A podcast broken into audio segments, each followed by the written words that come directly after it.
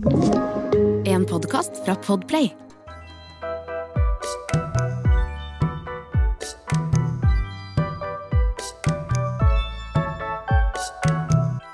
Gjesten jeg har med meg i studio i dag, tror jeg vi kan lære masse av. Hun har vært YouTuber en god stund. En av de raskest voksende YouTube-kanalene i Norge. Hun er programleder, skrevet bøker og er programleder på Topp 40. Yes. Velkommen, Victoria Skau.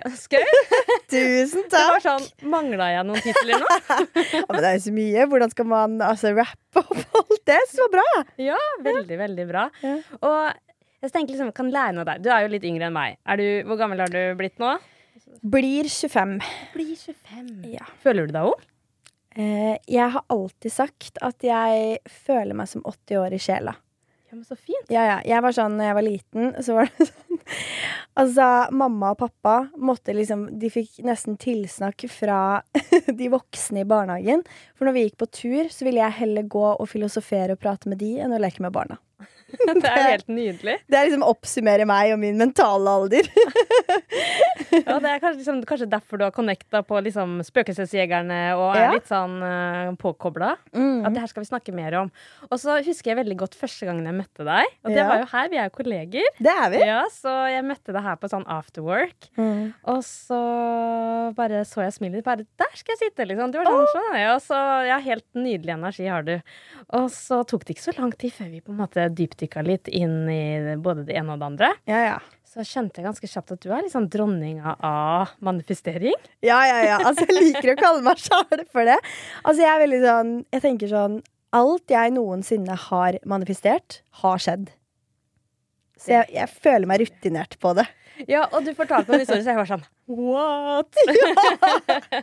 og jeg er jo ikke helt sånn eh, helt newbie på det selv. Jeg har jo eh, altså, For lenge, lenge siden leste man jo The Secret, og det er jo også egentlig sånn når man hører det, så er det noen som får piggene ut og bare hva er det manifestering, hva er det der for noe tøys? Og kanskje også The Secret har litt skylda. Eh, for eh, ja, den har liksom blitt beskyldt for at man blir litt sånn Ja, at man manifesterer eh, alt fra penger til, ikke sant. Alt det. Ja. Så, mm, så Men vi skal Vi kan jo egentlig gå sånn rett inn i det, kanskje. ja.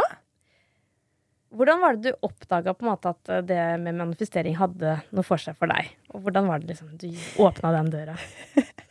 Det er faktisk veldig gøy at du nevner The Secret. Fordi det er The Secret som åpna døra.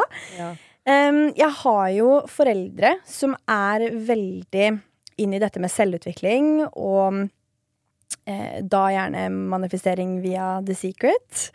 Jeg husker veldig veldig godt at pappa hadde sånn vision board eh, hengende på soverommet, hvor det var liksom alle hans ønsker og drømmer, og jeg var alltid sånn Hva er det der? Han var sånn Nei, nei, det er, eh, det er ting jeg skal klare å oppnå. Det her skal jeg få. Den bilen skal du sitte i en dag. Sånne ting. Og da var jeg sånn Oi. Og når jeg ble litt eldre, så introduserte jo foreldrene mine meg for The Secret. Eh, og da leste jeg den og ble frelst, og jeg var vel hva da? 13? 12-13 når jeg leste den? Det er tidlig. er jo, altså, apropos dette med mental alder, liksom. Hvem 12-13-åringer er det som leser The Secret? Men for meg så ble det veldig en sånn Hva kan man si? En eh, ja, liten flukt fra hverdagen. Jeg hadde det jo ikke noe bra på barneskolen og eh, hadde veldig få venner.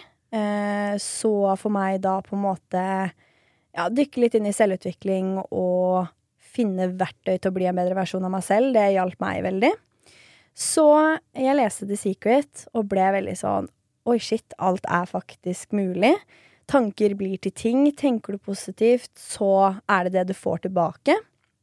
Så jeg eh, ville jo sette dette ut på en liten prøve. Eh, og det er eh, Det er litt rart å tenke tilbake, faktisk, fordi i dag er det veldig mange som anser meg som positiv og glad og eh, sprudlende, men det var jeg ikke før. I det hele tatt. Jeg var supernegativ. Tenkte sånn åh, verden er imot meg. Var det da før på en måte? Yes. Ja. Mm. Eh, og så leste jeg den, og så endra mindsettet mitt seg. Og da var jeg sånn OK, shit, jeg kan bli den jeg ønsker å være. Det er jeg som skaper mitt eget liv. Um, og nå skal jeg virkelig teste det her. Så jeg um, har vel egentlig testa det på alle områder av livet mitt. Både karrieremuligheter, kjærlighet, vennskap. Um, og funnet mine metoder som faktisk funker. Um, og det er vel kanskje mest i karriere jeg har brukt manifestering. Mm. Eh, jeg har jo noen Altså, det er jo sjukt, og man tror jo nesten ikke på det når man hører det. Ja, Men- og det her var den historien som jeg husker fra første gang jeg møtte deg. Når, når du fortalte meg Er det den om spøkelsesjegerne? Er det ja, den? Ja, den okay. og VG-lista. Ja, ikke det var det. Men ta spøkelsesjegerne først. Nei, Um, jeg har jo alltid vært uh, superfan av Åndenes makt. Jeg og mamma, kvalitetstid, eh, satt og så på Åndenes makt, og mamma sa alltid til meg sånn åh, en dag, Victoria, så blir du nye Tom Strømnes. Og jeg var sånn ja, det skjer jo. Og så var hun sånn ja, men du kan få til alt du vil. Da tenkte jeg sånn ja, kanskje jeg kan det. Eh, og da var jeg jo kjempeung. Og var det Eh, noe du hadde lyst til selv da? Sant? De tinga du så for deg at du skulle få til, hva, hva var det da når du var så ung? det var eh, Jeg har jo alltid vært en eh, shower. Eh, fordi jeg har vært trygg på. Eh, så jeg har alltid liksom showa og jazza, vært en historieforteller og eh, hatt veldig lidenskap for alt med video, redigering, sånne type ting. Eh, så det var jo noe innenfor det jeg ønsket å gjøre. Eh, og siden jeg hadde en så lidenskap for uforklarlige ting også, så var jo det naturlig at åh, å bli en Tom Strømnes en dag, det hadde ikke vært feil. eh, så laga jeg jo YouTube-kanal i 20, slutten av 2017. Eh, og da tenkte jeg at jeg skal lage det innholdet jeg selv ville ha klikka meg inn på. Eh, og da var det jo naturlig at det var uforklarlige ting, hjemsøkte historier, og eh, starta med det. Og så husker jeg at når jeg begynte med YouTube, så skrev jeg ned et notat på mobilen min hvor jeg skrev en dag eh, skal jeg bli programleder for noe type Åndenes makt. Og så skrev jeg sånn Du kan få til alt du vil. Dette skjer. Eh, og så bare har jeg hatt det notatet på mobilen og trykka meg inn på det og minna meg selv på det i kjipe perioder eller sånne ting. Sånn én dag skjer det. Og så starta jeg opp med serien min på YouTube. Den gir meg gjennombruddet, og folk elska det jo. Eh, og i 2020 så kom telefonen fra TV Norge. Åndenes makt skulle legges ned. Arvtakeren skulle bli serien Spøkelsesjegerne, og de lurer da på om jeg vil bli programleder. Det er jo helt utrolig. Det Og at er det helt sjukt. faktisk kan nesten høres ut som det kommer litt fra øret, at den telefonen kom ut. Men da, Mm. da tenker du at det her har jeg eh, sendt ut i universet. En sånn type eh, At du, du har manifestert det, rett og slett. Ja. Eh, og det alene gjør at han tar opp telefonen, tenker du? Jeg tenker at um, Fordi jeg Det er jo sånn um, Mitt mindset på det er at om jeg, som er så singel som det er, sitter og tenker hjemme for meg selv Nå skal drømmeprinsen banke på døra, så skjer ikke det. Mm. Det er sånn mm -mm. Men jeg tenker at når du manifesterer og er så målbevisst på det du vil få til, så kommer du til å tiltrekke deg mennesker og muligheter som gjør dette mulig. Eh, du kommer til å se nye veier og ikke ha tunnelsyn på, på på en måte ett mål. Um, og hadde det ikke vært for eh, at jeg starta med Det uforklarlige serien min på YouTube, så vet jeg jo at TV Norge ikke hadde plukka opp den telefonen og ringt. Eh, så det handler jo om å hele tiden jobbe for det, tenke positivt om det. Eh, og da tror jeg at alt er mulig, og at uh, ting vil skje. Og det er jo som når Tom Strømnes står foran meg og sier Victoria, du skjønner at du nå har tatt over stafettpinnen min? Da var jeg sånn Check i notatet! Det er nesten som man ikke tror det. Jeg veit det er helt sjukt. Men hvordan tenker du at det, her er forskjell fra det å bare sette seg et mål, skrive det på en lapp, og så bare jobbe for måla sine? Altså, Jeg tror det er veldig det samme, ja. Uh, jeg tror at folk Altså, folk kaller det det de ønsker, på en måte. Um, og prinsippet er jo det samme. Um, men jeg er også veldig på det derre med ja, som The Secret, da, law of attraction, at du tiltrekker deg de rette mulighetene, tingene, menneskene som gjør det mulig. Og det skal jo sies at ingenting er jo flaks. Det detter jo ikke ned fra himmelen i hendene dine. Man må jo jobbe beinhardt og være så bevisst på målene man setter seg. Um, men for meg er det bare gøy som på en måte har eh, Jeg er alltid veldig bevisst på når jeg skriver da manifesteringsnotater, at jeg ikke er sånn Jeg håper en dag Jeg er sånn Å, dette skjer. Mm. Jeg skriver det. Det er liksom nøkkelen og hemmeligheten min. Mm. At jeg skriver ting og manifesterer ting som at det allerede har skjedd. Og den følelsen da setter seg i kroppen, og da tenker man da også Ja. Og ma- jeg må jo si det, jeg, jeg synes det er kjempefascinerende. Uh, og noen ganger har jeg gått inn og tenkt OK, skal jeg prøve? Og så kan jeg nesten bli sånn jeg vet ikke, at jeg, jeg klarer ikke å gjennomføre det. Ikke sant? Det er noe med at man da gjennomfører det. Men, men jeg tror eh, det å sette seg også et mål og si det til seg selv, og se for seg hvor er man når dette har skjedd, eh, gjør også at du bare underbevisstheten din jobber for at du skal få til det målet. Og som du sier, du jobber jo hardt. Det er ikke sånn 'Å, nå sitter jeg her, bare sitter jeg med bena i kors', og så manifesterer man dette, og så skjer det. Sant. Det er jo beinhard jobbing, som du sier, også. Eh, og at det er liksom en målrettethet, men i tillegg at man gjentar det og gjentar det. og gjentar det, Og det tror jeg gjør at man da blir mer fokusert på målet sitt også, da. Yes. Eh, og så er det jo noe med at når du har en dårlig dag, åh, så er det sånn Ja, én dritting skjer, og så bare baller det på seg. Hvorfor det? Ikke sant? Det er sånn OK, eh, tiltrekker man seg det den dagen, eller hva? Ikke sant? Så jeg syns også det er eh, Livet blir litt mer spennende hvis man åpner opp og tenker OK, vi vet hakket, Det er mange svar vi ikke har her i det. og da er det litt gøy å Veldig. koble på. Og det er, derfor elsker jeg å ha deg i studio og snakke om disse tingene òg. For det er jo noen som tenker sånn åh, at man automatisk blir sånn nei, nei, det der tror ikke jeg noe på. At man blir litt sånn skeptisk og alt det der. Ja. Men jeg syns egentlig det høres også ganske fornuftig ut. Eh, og det er kult at du, du legger det litt sånn fram sånn som du gjør, sånn at de som på en måte bare tenker at det her tror jeg ikke noe på, kan også forstå det, da. Det er det, og det er akkurat det du sier. Eh, det med at det blir litt mer spennende, er mindset jeg har på det. For jeg er sånn Jeg liker å leve livet mitt som at det er en film. Det er sånn jeg lever det. Ellers så syns jeg det er dritkjedelig. Og det er også når det kommer til manifestering, og at man liksom bare Ja, ting blir litt gøyere Ja. enn bare på en måte litt sånn Ja. A4-tankegang på Ja. det. Og så slo det meg etter jeg møtte deg også her, da, på den afterworken, når vi snakka om det her, så var jeg litt sånn Ja, det er egentlig sant hvordan også mitt tankesett har funka uh, før også jeg ble programleder uh, på VGTV og flytta til LA. Så så også jeg veldig tydelig for meg det. At jeg Ja. skulle, jeg skulle få en TV-serie og ha den fra LA, på en måte. Og det skjedde jo. Og så har jeg blitt småbarnsmamma, og så er det sånn ja, har jeg egentlig tenkt Hva er på en måte Hvor ønsker man å ta ting videre nå, da? Mm. Og så har jeg bare vært i en sånn vakuum hvor jeg egentlig ikke har satt meg så veldig sånn så konkrete, tydelige mål. Og så ble jeg litt inspirert til OK, hva skal man Hvordan tar man det videre? Ja. Og da begynner ting å skje også, så det er litt gøy. Så det er eh, Jeg syns det, det, det har virkelig, virkelig noe for seg. Og så har jo du et eksempel også. Kan ikke du si den VG-lista-historien? ja, hva var den igjen, da?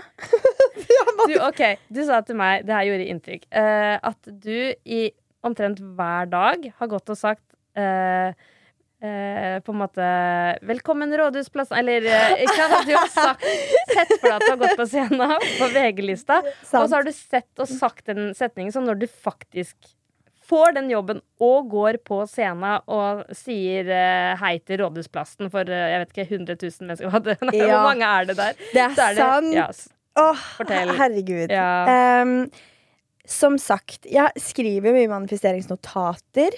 Men en annen måte jeg manifesterer på, er jo det å se for seg akkurat et øyeblikk.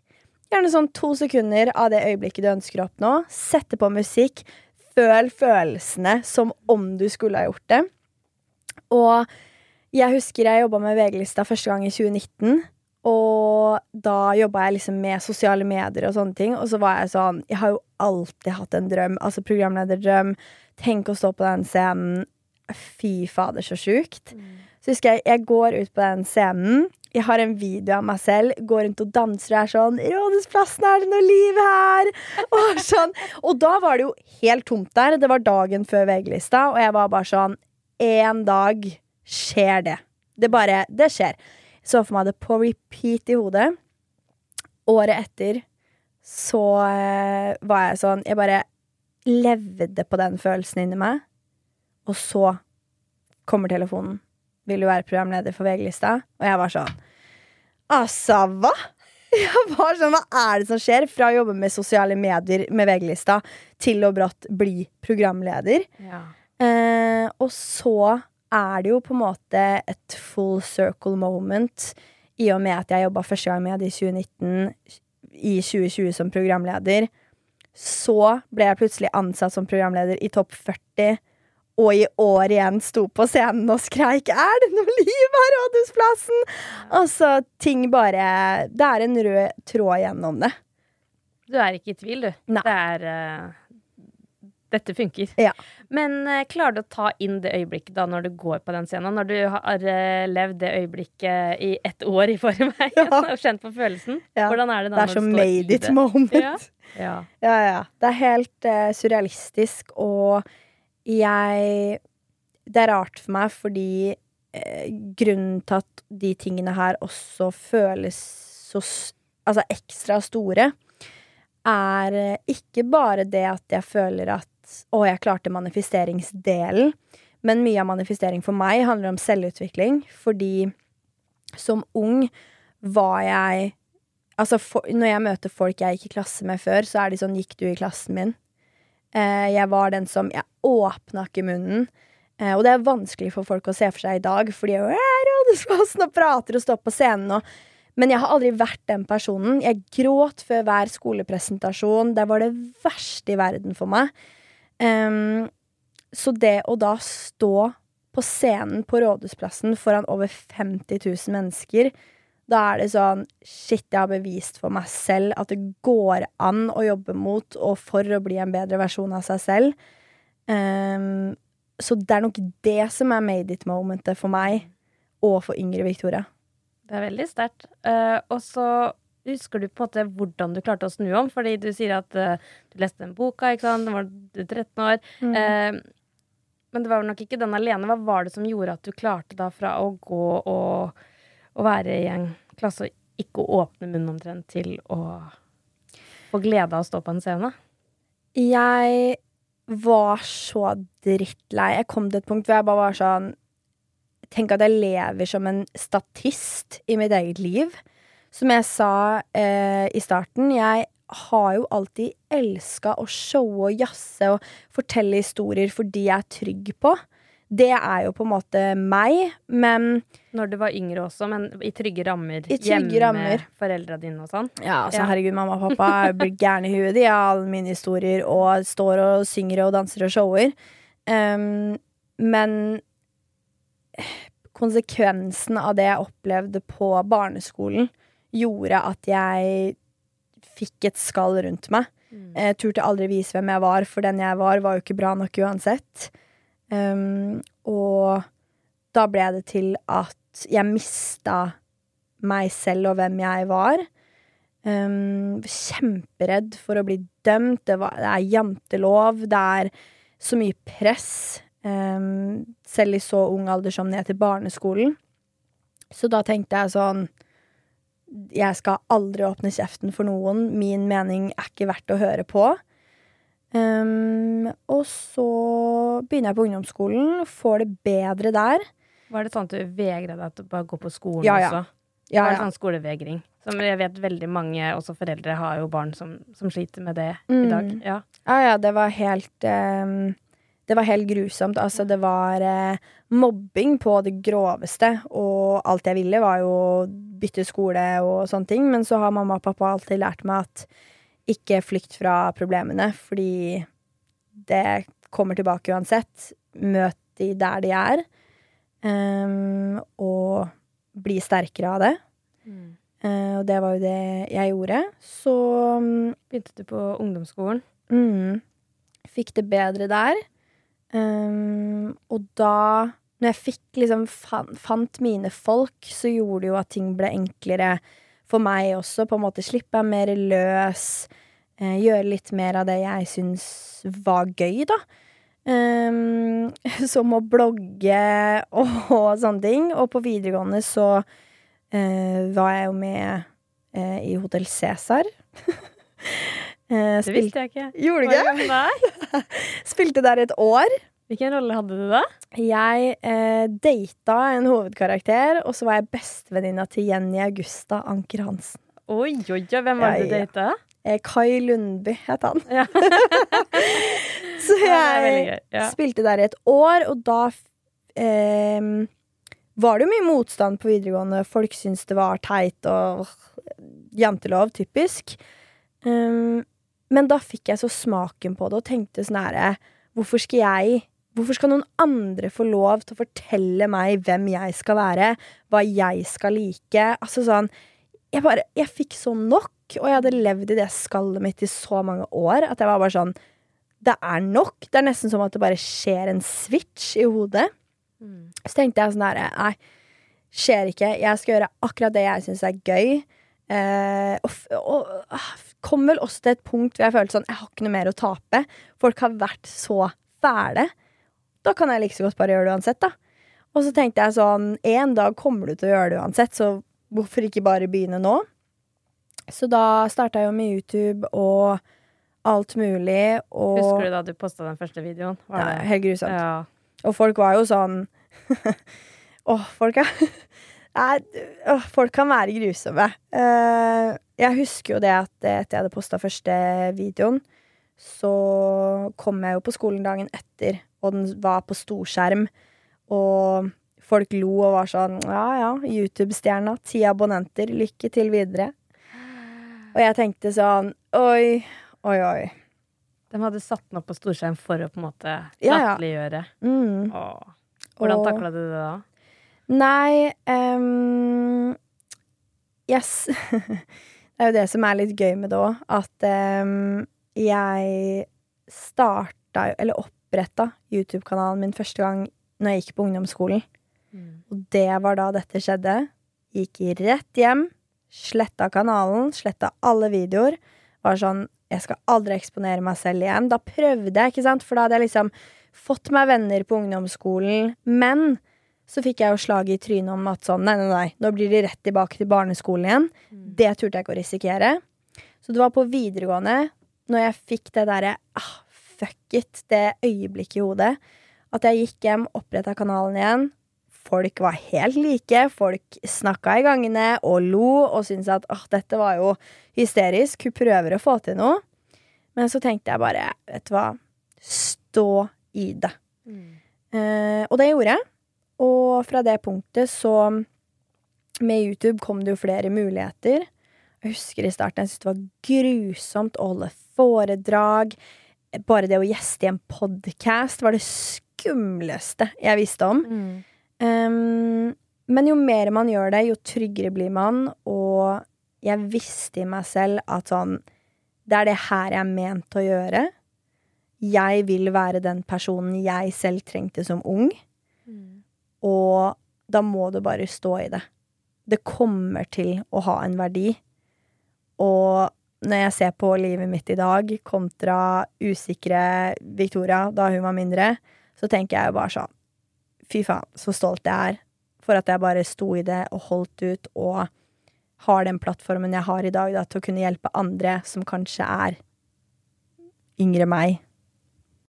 Det er ikke så mange dagene du la ut en post på Instagram. Um, en video som var litt sånn Det ser kanskje ut som vi har det veldig bra, men det er ikke helt sannheten.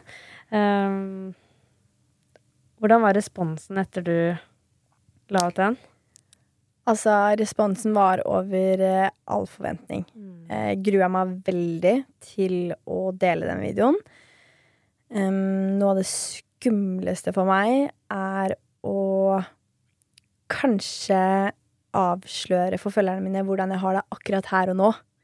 Jeg er veldig god på å dele om kjærlighetssorger og alt som har vært, som jeg er over. Men syns det er veldig nakent å skulle blottlegge alle sine følelser når livet er dritt, eh, som det har vært det siste året. Så det betyr kanskje at du har det litt bedre? Jeg har det litt bedre, heldigvis. Ja, hvordan har du det nå? Jeg vil ikke si at jeg er eh, på min peak enda. Um, det har vært et veldig krevende år. Um, jeg har på en måte vært i en skikkelig flow i mange år nå. Jeg har følt at jeg har levd på en evig peak, egentlig siden jeg begynte med YouTube. Um, ting har gått så på skinner, jeg har følt så på trygghet og stabilitet i livet, og plutselig hadde jeg ikke noe av det. Um, plutselig så var YouTube i en forandring, visninger gikk ned, økonomien var ustabil. Um, kriser skjedde på privaten. Det var Alt bare rakna, og alt skjedde samtidig. Og da igjen, da, manifesteringsviktoria blir jo sånn Hva er meningen med det her? Hva Mm. er det som foregår nå? Og det skumleste for meg oppi alt det, var vel at jeg mista meg selv. Altså, jeg har jo skrevet en bok om hvordan å få det beste året i sitt liv, og plutselig så sto jeg i en posisjon hvor jeg ikke klarte å følge mine egne råd. Eh, Det jeg alltid preacher til mine følgere. Eh, Kom meg ikke opp av senga, og eh, ingen visste. Mm. Eh, For det var en trygghet for meg at folk fortsatt kunne tenke at det er glad i Victoria, masse energi. Eh, Det var det eneste trygge jeg følte jeg hadde. Um, når alt føltes så eh, kjipt. Hvorfor tror du at den smellen kom da den gjorde? Jeg tror vel at det, det var en Det var mange faktorer, og at glasset bare rant over. Um, jeg hadde stått i en uh, ordentlig kjip situasjon med mitt tidligere management. Um, hvor da um, penger og økonomi spiller en stor rolle. Og følte meg skikkelig svikta av eh, noen jeg har jobba med hele min karriere. Em, og så oppi alt det her så skjer bare alt på alle andre områder av livet også. Litt rann kjærlighetssorg, liten dash av det. Det var liksom bare alt rappa opp i ett, og da var jeg bare sånn Møtte skikkelig veggen. Mm. Og så var det eh, så vanskelig for meg å eh, innrømme for noen, fordi at da måtte jeg også innrømme det for meg selv. Eh, og det var skikkelig skummelt. Um, og så var det så kjipt fordi jeg har alltid vært veldig ærlig med følgerne mine og alltid delt veldig mye. Eh, men plutselig så delte jeg jo en hverdag som ikke viste sannheten whatsoever. Altså, jeg delte når jeg var på event, når jeg hang med venner, når livet var gøy. Men ingen så jo at hele dagen før det eventet så hadde jeg ligget i senga, nesten ikke kommet meg opp for å dusje, ville droppe alt. Altså sånn Jeg følte jeg, følte jeg løy skikkelig for absolutt alle, og jeg husker jo at jeg sa det jo ikke til mamma og pappa heller. Jeg har jo et veldig nært og åpent forhold med dem. Så husker jeg det var rett før jul, um, i 2022, da, at mamma ringte meg, og så var hun veldig sånn alvorlig, og jeg var sånn herregud, hva har skjedd? Har noen dødd? Hva, hva foregår nå? Og så var hun bare sånn Du, um, jeg har snakka med pappa. Uh, hva er det som skjer? Og jeg var sånn Hæ? Hva da? Hva? Hæ? Og de var sånn Victoria, hva er det som skjer? Og jeg Da bare rabla det for meg. Da var jeg helt sånn det, Da bikka alt. Eh, for da måtte jeg jo eh, innrømme det mest av alt for meg selv. Hvor utrolig vanskelig jeg hadde det. Hvordan Um, De hadde bare plukka det opp, sånn at de hadde Ja, altså, de, de trodde jo at jeg hadde begynt med narkotika. Oh, ja. Ja. Og da kunne du Det var jo egentlig det var jo første, det var jo første spørsmålet til mamma. Ja. Og jeg var sånn eh, Hæ? Ja. Absolutt ikke. Er, hvor kommer dette fra? Men det er jo fordi at jeg eh, Når jeg har det vanskelig, så isolerer jeg meg. Mm. eh, fordi jeg ikke vil være til bry for noen. Mm. Og fordi at jeg sliter med å vise at jeg har det kjipt. Fordi jeg er veldig sånn Nei, nei, ikke tenk på meg. Um, så jeg hadde vært eh, kjempedårlig til å svare, og Og så baller det på seg igjen da, ikke sant. For det er også når man ja, sikkert også er vant til å kommunisere med følgerne, men at man setter på en fasade som ikke er i tråd med virkeligheten, så gjør det vondt verre, nesten, da. 100 mm. virkelig. Og det ble det jo. Ja. Og så tenker jeg også at du som har, som du sier, en peak, men jeg hører deg ikke sant, fra når man kommer over det fra, fra videregående, og så, og så, går det bare oppover. Mm. Og så får du ting til å skje, og så det ene etter det andre. Og så svever man videre fra det ene spennende prosjektet til det andre. Mm. Eh, og når du er så ung òg, da, så tenker jeg liksom Oi, blir det en liten sånn Hva skal jeg videre nå? Har du liksom kjent på det? At liksom Ja, ja. Virkelig. Mm. Det var nok en stor faktor, det også. At jeg var veldig sånn um, Hele karrieren min har bare Det har bare vært flyt. Uh, alt har skjedd, og gjerne samtidig. Jeg har nesten ikke klart å nyte prosjektene jeg har stått i fordi at jeg har hatt fire andre på sida, og eh, når jeg på en måte har fått suksess med noe, så er det bare on to the next. Og plutselig så sto ting veldig stille. Eh, ting, jeg følte at ting gikk dårligere generelt, og i jobben jeg har, så handler det om å være relevant og aktuell. Eh, og det presset det fører med, er enormt. Det å alltid bli eksponert og måtte blottlegge hvilke følelser man har, eh, er krevende. Og i hvert fall når man på en måte har Det har vært så intenst i så mange år. Eh, og så plutselig får man tid til å reflektere og tenke og puste. Mm. Da bare hitter alt. Når man har stått i både hat og kritikk og eh, Ja, man, man, føler nesten sånn Ja, jeg følte vel kanskje sånn for første gang på mange år at sånn Nå er jeg bare meg. Hvem er egentlig jeg? Det var sånn identitetskrise alt oppi Jeg skjønner når det går, ting har også gått så fort, da. Altså det der ja. å, å, stoppe opp. Og så ser jeg jo også at man jager litt, ikke sant. Og man er ja. eh, Skal være flink pike oppi det, skal tilfredsstille alle. Og så i tillegg har du de følgerne som, som man eh, ønsker å svare og være på hele tiden. Så eh, men det som er fint, da tenker jeg nå som du eh, Eller hva tenker du om det, nå som du har delt og er litt sånn ærlig om det? Hvordan føles det eh, nå? Å, det føles veldig bra. Jeg eh, visste jo òg at det kom til å føles bra etter å ha gjort det, og det var jo som 100 kilo av skuldrene mine. Jeg ønsker å være transparent og ærlig overfor følgerne mine, og ønsker at vi skal ha et nært forhold, og det er jo alltid det jeg har tenkt. Jeg vil at de skal anse meg som venninna eller søstera si, liksom. Um, og da er det jo viktig at det er ærlighet fra begge parter, da, for at man skal kunne skape den følelsen. Så jeg har bare fått de fineste meldinger av eh, folk som vil meg eh, alt vel, men også skikkelig ærlige meldinger fra følgerne mine som ikke har det bra, de heller, og som takker meg for at jeg er ærlig og åpen om det. Um, og som har inspirert de til å være åpne og ærlig med de som står seg nær, da. Mm. Det, er jo, det er jo derfor jeg gjør det her. Jeg ønsker å være personen man søker opp når livet er kjipt. Eh, eller personen å søke opp når de trenger en latterkule. eh, eh, vil være en trygghet. Mm. Så det håper jeg at jeg klarer å skape enda mer. Bare... Og det ser jo jeg at det, det er du jo for eh, disse følgerne dine. Men hva tenker du å gjøre nå da for å få det bedre selv? Hva blir din life hack? Min life hack blir å snakke mer eh, ja. om det. Um, føler det har vært veldig mye hjelp i det allerede. Uh, og bare være ærlig hele veien mot meg selv. At det er helt innafor om jeg har en drittdag. Jeg tror det er det som også var mye av problemene jeg hadde det så kjipt. At jeg var veldig sånn Jeg har alltid vært så eh, produktiv. Jeg er et arbeidsjern. Um, og jeg var sånn Jeg klarte ikke tillate meg selv helt heller å ha de dagene hvor jeg bare lå i senga og hadde det dritt. Mm.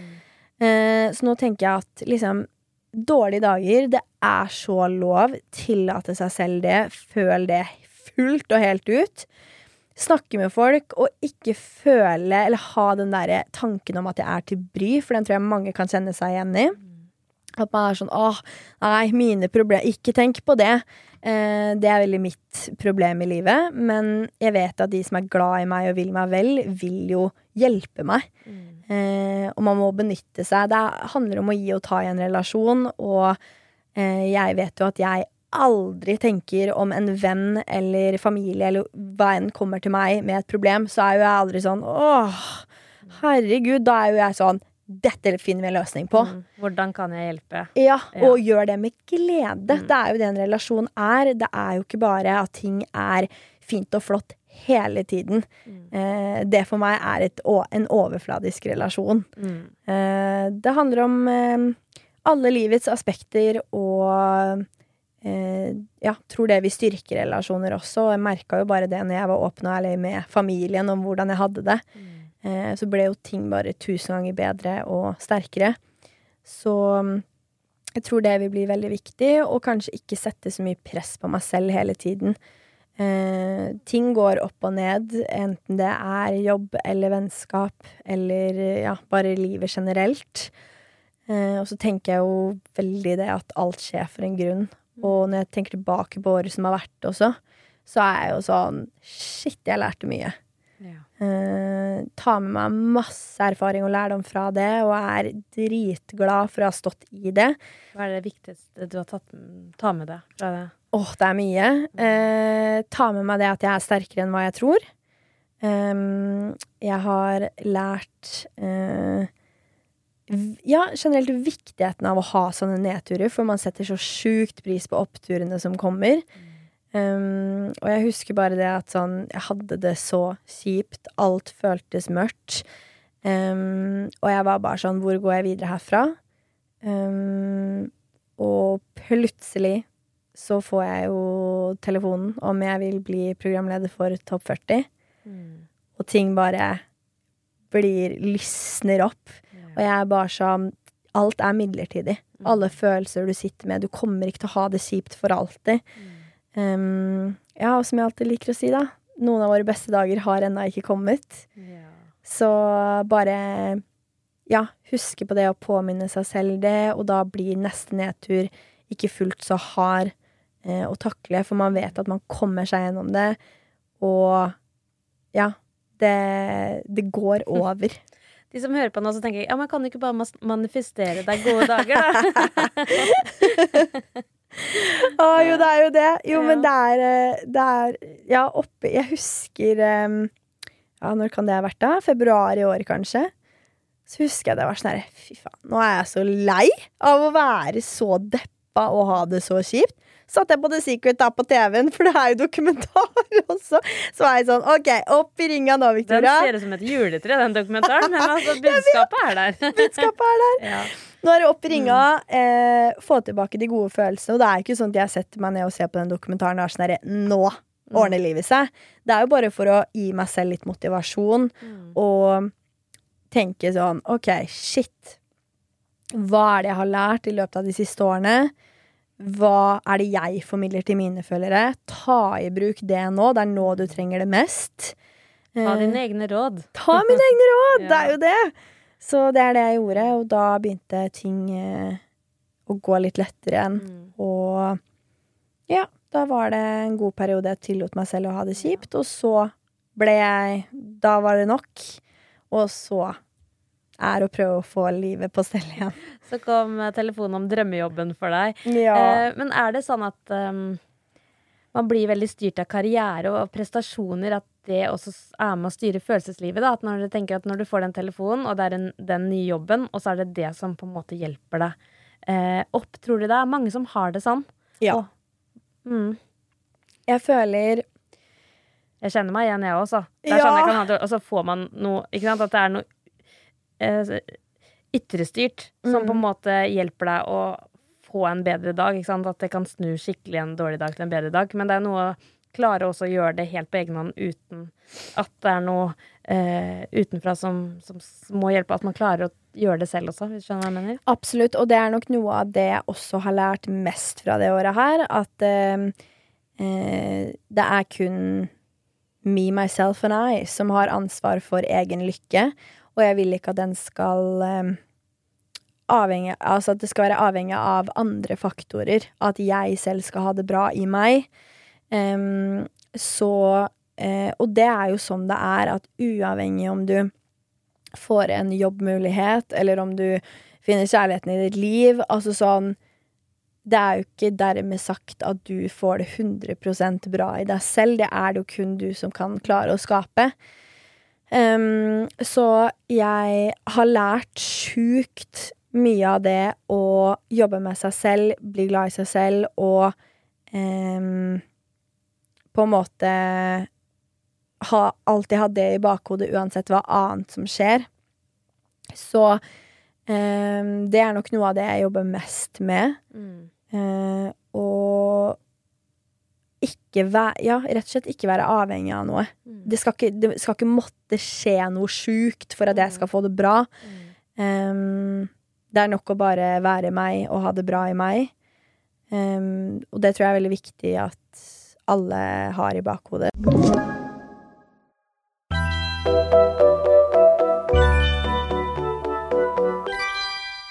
Du har jo vært programleder for Spøkelsesjegerne. Yes. og er jo liksom eh, kobla på hele den det, det Universet. uforklarlige. ja. Kan ikke du fortelle hva er det, liksom, er det, er det sykeste du har Oi! Opplevd. Åh, det er mye, og det er um, Jeg kan si så mye som at em, jeg har jo alltid vært veldig engasjert og elska på en måte det uforklarlige. Em, samtidig som jeg tror, som i alle mennesker, at det er jo en liten sånn skepsis inni der. Um, og det er jo Jeg har jo alltid sett på Åndenes makt, som sagt, og det var samme produksjonsselskap som laga Åndenes makt, som laga Spøkelsesjegerne. Så jeg var veldig nysgjerrig på å se om er noe faka? Er det liksom Er alt sant? Og noe av det feteste var det at når vi satte i gang med opptak eh, av Spøkelsesjegerne, så var produksjonen sånn Vil si at eh, det er ikke lov, liksom, å si at dere ser noe eller hører noe om ikke dere gjør det. Det her skal være helt troverdig. Og det er så mye som også har blitt klippa ut av serien som vi opplevde, men som ikke ble tatt med i frykt for at det, fordi at det var så sjukt at det kunne se liksom fake ut. Ja. Oi. Så de var veldig opptatt av at det her skal liksom være genuint troverdig. Det som skjer, det skjer.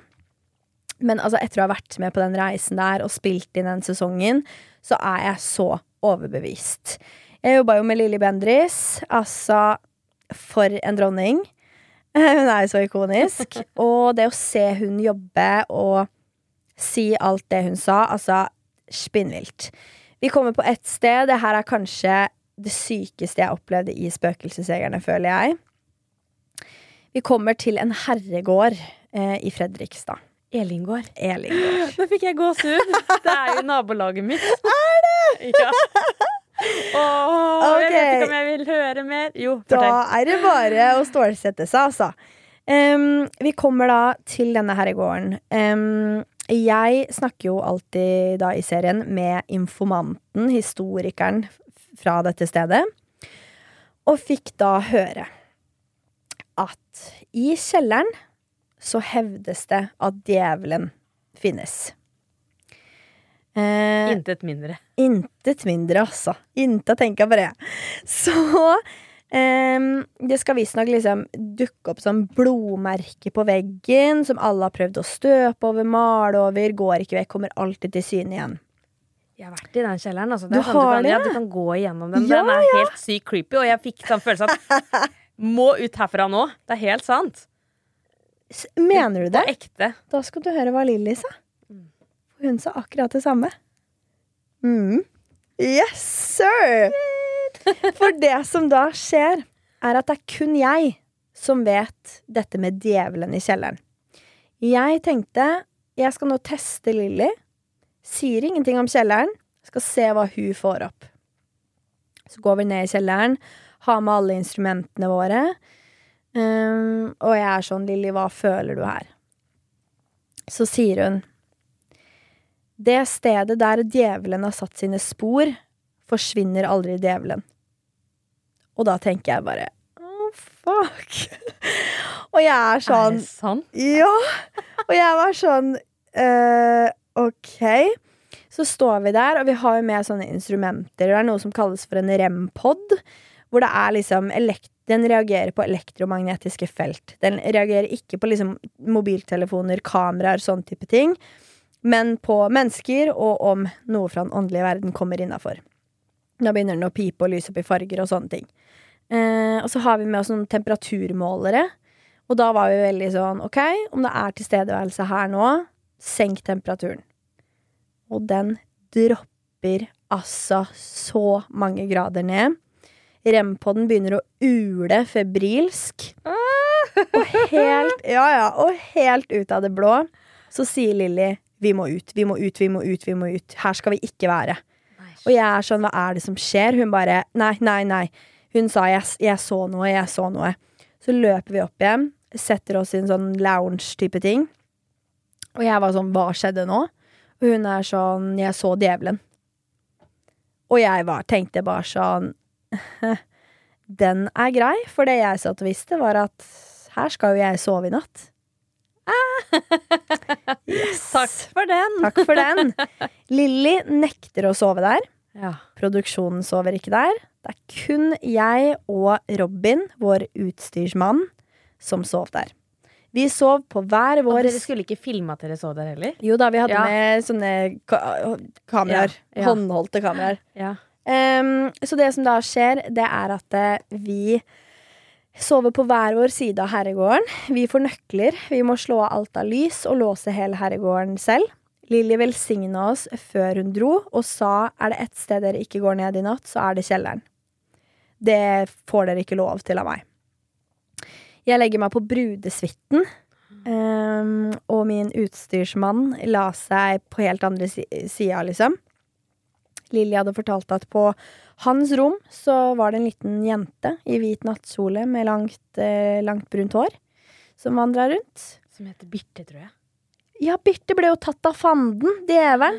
Ja, stemmer. Hun forsvant jo Ja. derfra. Mm. For det ene rommet så er det en sånn seng hvor du, du går inn, og så er det De har liksom sperra et rom hvor du ikke skal gå inn, og der ligger det en sånn dokke i senga for å liksom eh, Så tenker jeg «Øh, Jeg skvatt skikkelig når jeg så det.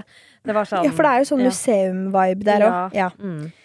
Um, nei, så vi legger oss jo da for å so sove. Jeg ligger altså panisk med lommelykta i, i hånda mi, og jeg, jeg er så redd. Så ligger jeg liksom og dupper litt av og sånne ting, og så våkner jeg opp da i ja, tre-fire-tida til det verste dunket i veggen ved siden av meg. Nei, slutt. Og det, alt er fanga på kamera. Du hører dunket så tydelig. Og jeg tenker bare fy, nå er showet i gang, vet du. Så jeg sender melding, da. Og det er ikke han utstyrskompisen din heller som liksom Nei, nei, nei. nei. Det er, nei, nei, nei. Han lå på helt andre siden, og vi visste at det kun er oss i dette huset. Og det her var ikke en sånn Og det knirker litt, for det er gammelt hus Nei, nei, nei. Det her var et sånn smell i veggen. Eh, sender melding til han. Han kommer inn på rommet mitt. Jeg er sånn, vi må utforske det her. Eh, går da på rommet ved siden av hvor jeg hørte dette dunket fra. Setter opp utstyret, begynner å stille spørsmål. Det er jo litt sånn Ouija board-vibe. Og så sier jeg bare sånn, OK, er det en eh, kvinne med oss? Ingen respons. Er det en mann med oss? Beep, begynner å ule opp. Og jeg tenker bare OK. Og vi stiller spørsmål, og vi får så tydelige svar. Eh, er det du som dunka i veggen? Utstyret begynner å ule. Og jeg tenker bare sånn Det her er så sinnssykt creepy. Så bestemmer vi oss da, av en eller annen idiotisk grunn, for å gå på loftet på denne herregården. Trodde du skulle si gå i kjelleren. okay, loftet. Det hadde vært bra TV. vi går opp på loftet. Det er bekmørkt, det er ikke det eneste altså det er, Vi har ikke på noe lys. Eh, så går vi opp på loftet, og så hører jeg bare den verste lyden noensinne. Så tenker jeg, er det placebo? Så jeg snur meg rundt til Rob og sier, hørte du det? Og han var sånn, ja. Og jeg bare, ja, hva er det du hørte da? Han var sånn, et skrik, ikke sant? Og jeg bare, ja. Det er korrekt. Mm. Eh, så vi fortsetter da med Fikk dere utstyr. filma det, da? Ja, ja, ja. Ja. Altså, absolutt altså det, det er Men så hører dere spinnvilt. skriket på kamera da? Ja, men det verste er at det kom ikke med i klippen. Fordi man er redd for at Det var jo det jeg nevnte innledningsvis. Ja. At man er redd for at det er faka, liksom. Eh, og det er det jo ikke. Eh, så vi fortsetter å stille spørsmål da, til utstyret vårt. Går ned igjen. Spør eh, vil du ha oss ut herfra. Begynner å ule opp. Eh, og vi begynner å stille litt spørsmål man ikke burde stille og sånn. Sånn Vil du altså gjøre oss noe vondt? Type ting. Og det var jo ikke så bra respons på det. Så da skjønte jeg bare at det kommer jeg til å overleve natta, tenkte jeg. Du kjenner at du får skikkelig puls? Ja! Ja. Altså, jeg var livredd. Um, så det er nok den sjukeste opplevelsen eh, jeg hadde i den serien, for det var så mye som skjedde på både kvelden og na hele natta. Uh, og det er den skumleste natta jeg har hatt i hele mitt liv. Jeg har aldri vært så redd. Og du fortsatte å sove der, og etter den turen på loftet? Ja, ja, og vi gikk og la oss igjen, og da var det liksom få meldinger fra Rob hvor det står sånn herre Hørte du det? Og så er jeg sånn Åh, la meg bare være. La meg bare Vær så snill, bli, bli dag, og så kan vi komme oss til helvete ut herfra. Okay. Og aldri komme tilbake. Jeg tenker at jeg i hvert fall ikke skal gifte meg på Gjellingård. nei, nei, det er anbefaling til alle som hører på. Ikke gifte dere der. Da får dere i hvert fall en aktiv bryllupsnatt. Om dere sover der. Ah, Nei, vet du hva? Jeg har jo hørt rykter om at det spøker på Ellingård, men det her var jo helt sykt å på en måte fra, få first hand, da. Ja. Yes, vitne. Ja, åh. Nei, kjempespennende. Vi, det, jeg har jo sett at du har eh, Jeg syns det er veldig gøy å gå inn på YouTube-kanalen din, og der er det mye snacks. Mye artig. Ja. Så eh, selv har jeg ikke egentlig opplevd noe sant, men jeg har litt sånn Apropos energier og det vi snakka om innledningsvis òg, så var det sånn Det var en katt der jeg bodde i LA. Andreas hadde en periode hvor han jobba med en eh, dokumentar et annet sted. Mm. Så jeg eh, bodde hos en venninne, og hun hadde to katter. Um, og den ene katten følte jeg liksom Den likte å være på rommet mitt, men den var litt sånn jeg, jeg, jeg vet ikke, jeg fikk litt sånn feil energi fra den katten. Ja. Og så eh, var det en dag hvor den også lå i senga mi, eh, og så skulle jeg liksom så lå vi egentlig og kosa. Bare det var litt sånn, Jeg er egentlig glad, veldig glad i dyr òg. Mm. Ehm, og så plutselig så fikk jeg en sånn derre så liksom for meg at den skulle angripe meg. Oi! At jeg fikk en sånn derre jeg fikk, det bare- jeg Feeling? skvatt- Ja. Og så skjer det. Så hopper den på meg. Så jeg, jeg kjente det før, Før det skjedde. det skjedde. Oi! Så det var sånn derre Og så tenkte jeg sant, Apropos energi. Det var sånn jeg faktisk så Så det skje før den hoppa på ansiktet mitt. Så det, jeg fikk helt sånn etterpå sånn, Åssen er det mulig å sense det før det skjer? Men da er du kanskje litt åpen, da. Ja, Ja. Er det det du tenker Ja. da? Ja. Rett på det, vet du! ja, men det er gøy. Og så det, det, er- jo bare eh, Jeg sitter jo noen ganger og mm, jeg mediterer. Jeg Mhm. gjorde jo også det veldig mye i Los Angeles. Og så kom Mhm. jeg hjem, blitt småbarnsmamma, har ikke tid. Så uh, jeg prøver liksom stadig å ta det tilbake i livet mitt.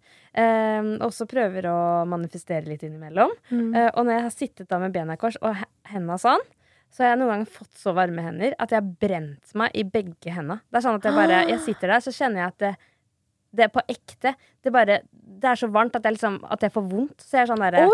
Og så blir jeg litt sånn Oi, hva skjedde nå? Hva, hvorfor kjenner jeg på Og det er sånn positivt, men jeg blir liksom skremt av at det faktisk skjer. På ekte, Oi. liksom. Hva er det? Men husker ikke du Var ikke du der når jeg begynte med healing-greiene mine på den afterwork? Hva var det? Da var det Fredrik Fredrik Gressvik, TV 2. Han begynte jeg å heale. Og det, jeg er ikke noe healer, det kan jeg bare si her og nå, men det er jo det første jeg tenker, da. Oh. Når man får brennende hender, det er jo det det sies, at da Det burde du teste. Fordi Ja. at det er jo det alle sier. Varme Ja. hender, og det er noen evner i det. Oh. Ja. Hvordan, hvor skal jeg begynne da? Liksom. Nei, jeg tenker eh, Om du har vondt noe sted noen gang, Ja. prøv å meditere litt. Komme i den eh, Ja. state of mind. Og prøve å heale seg selv. ja, det har nok Prøv. Ja, det er ikke så dumt. Nei, Det. ser man Jeg veldig om har jo- funker. Vært sykemeldt et par uker med sånn vond skulder og hodepine, så kanskje jeg skal bare begynne med meg selv og liksom heale. Prøv! oh, veldig bra. Det har vært helt fantastisk å ha deg her. Ja, takk for at jeg fikk komme. Eh, Det er eh, flott at du, du deler så åpent og ærlig, og jeg vet du hjelper mange. Og I like måte. takk for det. Og takk for inspirasjon til manifestering. og at jeg nå vet at det faktisk spøker på Elin gård. Ja! Mange svar. Gifte meg der. Jeg var faktisk der så sa Oi, det er helt sykt fin den hagen her. Kunne vi gifte oss her hvis vi skulle gjort det lokalt? Men nei, det blir ikke det. Det Det blir bare ikke det. det er djevelen i kjelleren. Så takk, men nei takk. Ja, absolutt ikke. Takk, Lilly Bendriss og Victoria Skau. Det har vært helt nydelig å ha deg her. Veldig hyggelig å være her.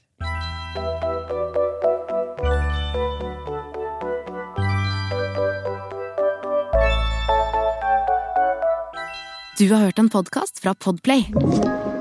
En enklere måte å høre podkast på. Last ned appen Podplay, eller se podplay.no.